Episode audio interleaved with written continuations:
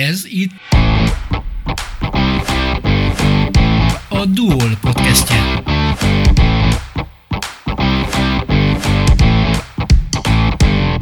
Az akadályfutás tőlünk nyugatabbra népszerű sport régi gyökerekkel. Magyarországon még, ha nem is gyermekcipőben, de úttörő korban jár még ez a sportág. Az ókori olimpiai játékoktól kezdve egészen korunkig a sportolóknak mindig voltak olyan kihívásaik, amelyekben akadályokat kellett legyőzni, leküzdeni. Az ókori olimpia pentatlanhoz, és ez nem olyan jöttusa, bár nevében ugyanaz, öt versenyszám tartozott egy nap alatt. A stadionban kezdődött rövidfutással, majd gerelyhajítás, diszkoszvetés, távolugrás és végül a birkózás következett. Ezt a multisport eseményt először a 18.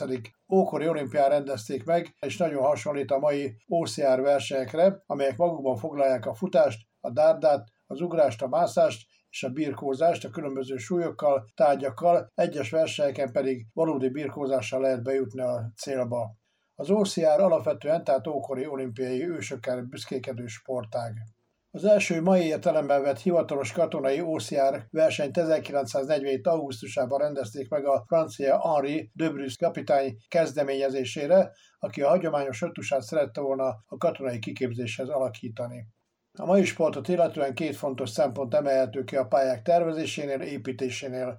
Az első a futásból és erőügyességi feladatokból áll össze, a második az, hogy az OCR egyik legnagyobb kihívása a folyamatos koncentráció, figyelem, a tudatos jelenlét. Magyarországon az OCR versenyek 2012-től vannak jelen, évente nő a számuk, a kihívások jellege és nehézsége egyre változatosabb.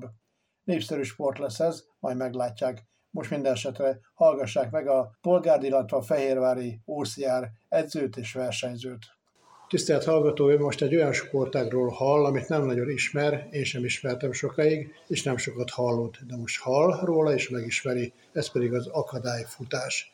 Tudom, tudják, hogy van 110 méteres és 3 meg 400 méteres akadályfutás, de ez az akadályfutás, nem az az akadályfutás, hogy mi is ez, először Dobos Kornéllal, a Fehérvárják edzőjével beszélgetünk, utána pedig Hegedűs Krisó Dénessel, az egyik kiváló versenyzővel, aki már Európa bajnokságokra jár. Ők ugye a fehérváriak, de az egyesületük az polgárdi, de hát lassan Fehérváron is meghonosodik majd ez a sport tudomásom szerint. Na, beszéljünk az akadályfutásról, Kornél. Nem csak a foci, hanem az akadályfutásnak is az őshazája Anglia. Úgy látszik, Anglia egy olyan ország, ahol mindenféle sportágat feltalálnak. Tényleg Angliának az őshazája? nem kimondottan Angliáé, bár Angliából is elég intenzíven terjed. A világ összes országában megtalálható, alapvetően minden kondicionális képességet fejleszt ez a sport, illetve igénybe vesz. A maga sportág jellemzően a katonai kiképzésekből ismert elemek alapján fejlődött ki, majd öntötték ezt hivatalos formában. 2000-es évek végén, 2010-es évek elején kezdte kiforni magát ne fussunk annyira előre, még maradjunk az ókorban, hiszen a 18. ókori olimpiát Krisztus előtt 704-ben rendezték meg, nagyon régen volt, lássuk be, és akkor a akadályfutás futásból, dárdából, ugrásból, mászásból, birkózásból, a különböző tárgyakkal ebből állott össze. Majd picit másabb ez az egész, talán könnyebb, vagy talán nehezebb. Igazából nem tudhatjuk azt, hogy, hogy most akkor mi volt. A, most igénybe vesz minden képességet, tehát az akadályversenyzés épített és természetes akadályokból egyaránt áll, amit a, a, az adott versenyek szervezői próbálnak lehető legjobban kihasználni, tehát igyekeznek a versenyszervezők is minél, minél összetettebb pályákat kialakítani. Nyilván az épített akadályok révén szabad kezük van, már vannak kimondottan erre specializálódott cégek, akik akadályokat gyártanak, standard akadályokat is, Elég, ha röviden válaszoltuk a következő kérdésre, mint a ketten. Én azt mondom, extrém sport, vannak azt mondja, őrült sport. Ez simán csak extrém, vagy pedig picit őrült sport is? Inkább extrém sportnak mondanám, nagy őrültség nem kell hozzá, hiszen teljesen kezdőszintől lehet rá készülni. Hétköznapi emberek is vesznek részt ezeken a, a sportokon. Más kérdés, hogy a, a jéghegy csúcsát azt tényleg a, a versenyzők adják. Ez mondjuk a résztvevőknek a, a töredéke mondjuk 1-5 százaléka, akik, akik helyezésért versenyeznek. A többi open kategóriás versenyző, ők inkább a, a saját korlátaikkal szállnak szembe versenyek alkalmával. Diás, te hogy vagy ezzel? Szerintem is extrém sport, bár van olyan verseny, amik így kicsit így másabbak, nehezebbek. és ezeket mondanám inkább őrült futamnak, mert ott tényleg ö, arról szól, hogy ott, ö, ott keményen megszórják a mezőnyt. De a legtöbb az inkább extrém, extrém marad. Mind a kettőtökhöz szól még mindig a kérdés, hogy ezt valaki csinálja, ahhoz kell egy kicsit flúgosnak is lennie? Vagy megszállottnak? Inkább bevállalósnak. Inkább bevállalósnak, de hogyha ha kellően beépíti az ember a hétköznapéba, akkor megszállottságá válhat valóban. Szerintem is inkább ez a megszállottság. Hivatalosan az OCR először 1947-ben került ki a köztudatba. Francia kezdeményezés volt, az öttusát szerették volna modernebb katonai köntösbe öltöztetni, ezért aztán ejtőernyős ugrásból, függeszkedésből, cipelésből, egyensúly gyakorlatokból, akadályokból és gránátdobásból állt ez. Csoda, hogy megmaradt ez a katonáknál, vagy pedig természetes, hogy aztán a civilek közé is kicsempészte magát. Szerintem természetes végül is.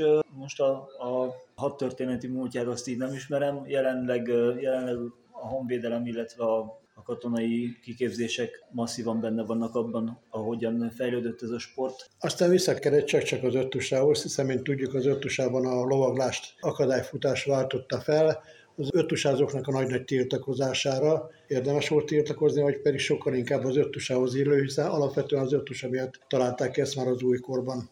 Az öttusára így nem térnék ki, mert az nem tisztem más sportágat megítélni. Ami tény, hogy a, a terepakadályfutás, illetve az OCR, ez széles körben elért. Tehát ezt lehet űzni úgy is, hogy az ember szurkol valami, valamelyik csapattársnak. Nyilván ugyanazokon a versenyeken is részt lehet venni, mint a, mint a legnagyobb versenyzők.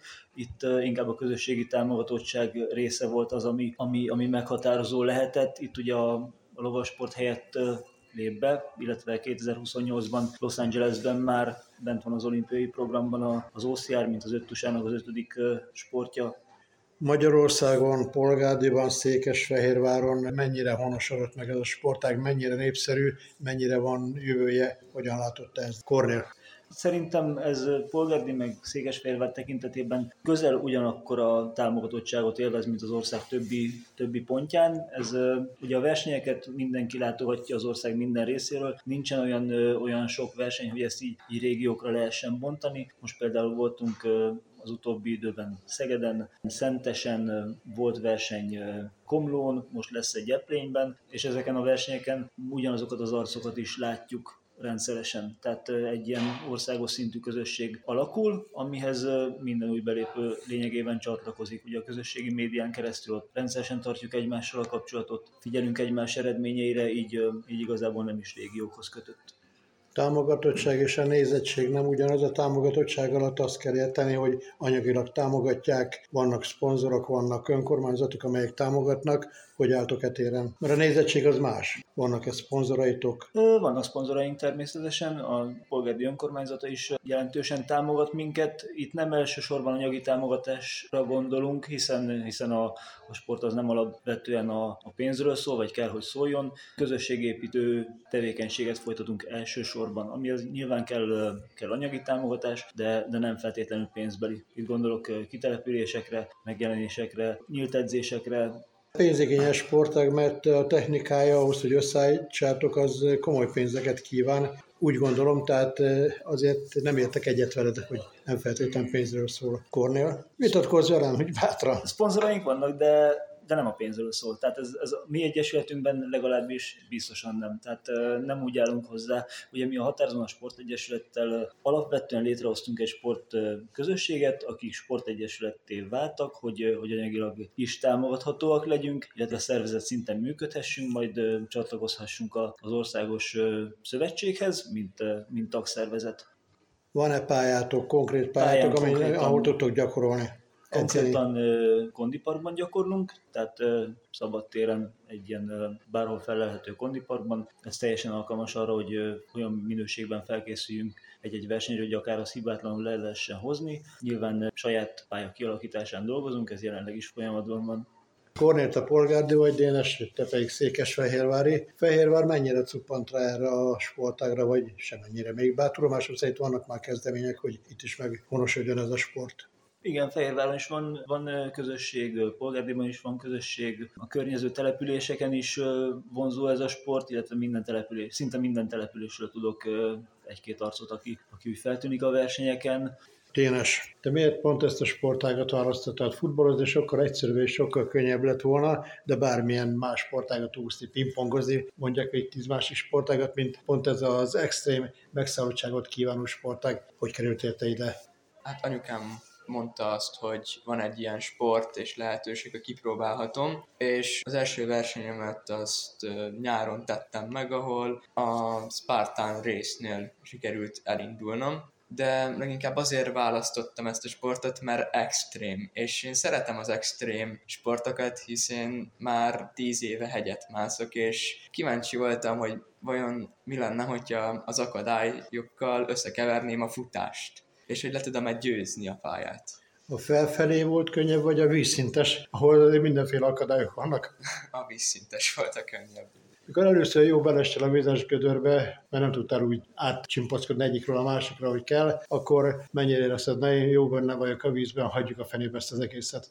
Igazából én, amikor ezt az egészet elkezdtem, akkor is már hibátlan volt a, a pályának a teljesítménye. Nagyon ritka volt az, hogyha hibáztam, de a hibáztam, az is lecsúszás volt. Tehát a futásom inkább a gyengébb. Tehát nagy rész megúsztad szárazon eddig, ugye? Igen. Egy picit dicsekedjél, mert tudomásom szerint van mivel dicsekedned, hiszen rövid idő alatt elég sok mindent elértél ebben a sportban. Na nézzük a leltárt. Magyarországon sok minden nyertél, már sok minden előkerül helyezést elértél, majd én segítek, mert figyelek ám rád, de hát már világbajnokságokra, Európa bajnokságokra jársz, ami ilyen rövid múltal igencsak szép eredmény. Igen, voltam itt Magyarországon a Európa bajnokságon, ahol csapatban, és három kilométeren indultam el. 100 méteren is indultam volna, de nem engedélyezték nekem, hogy induljak sajnos. Miért? Ezt pontosan én se tudom, a szövetség nem engedte, ennyit tudok. Rövid táv vagy a hosszabb táv könnyebb neked? A rövid táv az, ami jobban megy nekem.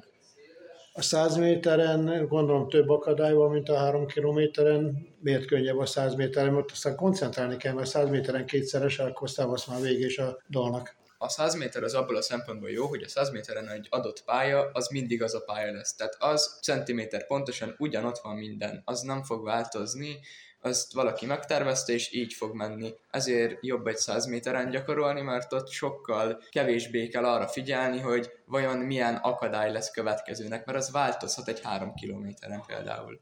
Kortársaid, iskolai évfolyamtársaid felnéznek rá, hogy te egy ilyen extrém prima sportot űző vagy, pedig hát egy picit flugosnak néznek. Inkább flugosnak néznek engem.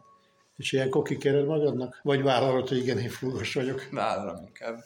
Jó. Mi az, ami ebben a rövid időben úgy gondolsz, hogy sajnálod, hogy nem sikerült elérned, aztán majd beszélünk utána a jövőről, de hát rövid a múltad, sok sikerrel, mi az, ami úgy ebben visszatekintesz, akkor hát hiányzik a felegye, meg azt nagyon szerettem volna megszerezni, de hát nem jött össze ami nagyon, ami nagyon fájt nekem az az, hogy elrontottam a, a világbajnokságon a 100 méteremet, miután már kvalifikáltam magam tulajdonképpen a döntőnek a részébe, és az elődöntőbe kiestem egy rossz felugrás miatt igazából. De aztán vigasztaltad magad, ugye? Valami más volt a világbajnokságon. Igen, azzal vigasztaltam magam, hogy következőre is úgy szintén kijutok. És a három kilométeren mi a legnagyobb sikered? A legnagyobb sikerem a világbajnokságon volt, mert 40 indulóból 23. lettem 34 perces idővel. Vannak sokan, akik azt mondják, 23 és legyintenek egyet, de hát te ezt nagyon jól tudod, hogy ez egy óriási dolog volt, ugye? Igen. Miért volt óriási dolog? Olyan jó érzés, hogy 44 nemzet közül élettem a 23 és ebből a sok indulóból ez ilyen, ilyen melengető, jó érzés. Mondjál öt akadályt, amit szeretsz, amit szívesen megcsinálsz, aztán mondjál egyet, amit utálsz. Én nagyon szeretem a, a követ. Az egy ilyen 50 kilós kő, amit fel kell emelni, és arrébb kell vinni, utána pedig vissza kell hozni. Én nagyon szeretem a tűzoltó akadályt, az ilyen, hát inkább körül tudom írni, hogy hogy néz ki, mert megfogalmazni úgy nagyon nehéz. Úgy néz ki, mint egy virsli, amiből kilógnak ilyen kötelek, amiken van csomó, és át tudnak csúszni az egyik oldalról a másikra a kötelek. És ebből van sok egymás mögött, és át kell jutni valahogyan Nagyon szeretem a felfüggesztett akadályokat, amiknél lógni kell, meg majomlétrázni kell. Nagyon szerettem a ninja falat, az egy 5 méteres fal, és az a legvége a 100 méternek. És mi az egy, amit utálsz? Olyan nincsen. Na, de jó neked. Minden sportolónak álma az olimpia. Hogy vagy te ezzel? Én is így vagyok vele, hogy nagyon szeretnék kijutni az olimpiára. Te még fiatal vagy, nyilván szoktál álmodozni, ugye? Igen. Na mi a legnagyobb álmod, ami ezt a sportágat illeti, amit nagyon-nagyon szeretnél elérni? Az, hogy világbajnok legyek. Kedves hallgató, Dobos Kornél edzővel és Hegedűs Krisó Dénes versenyzővel Sia Sándor beszélgetett az OCA-ról, erről a ma még kisé ismeretlen, de rövidesen népszerűvé váló sportról. Köszönjük megtisztelő figyelmüket! A Duol podcastjét hallották. Köszönjük, hogy velünk voltak. Tartsanak velünk legközelebb is!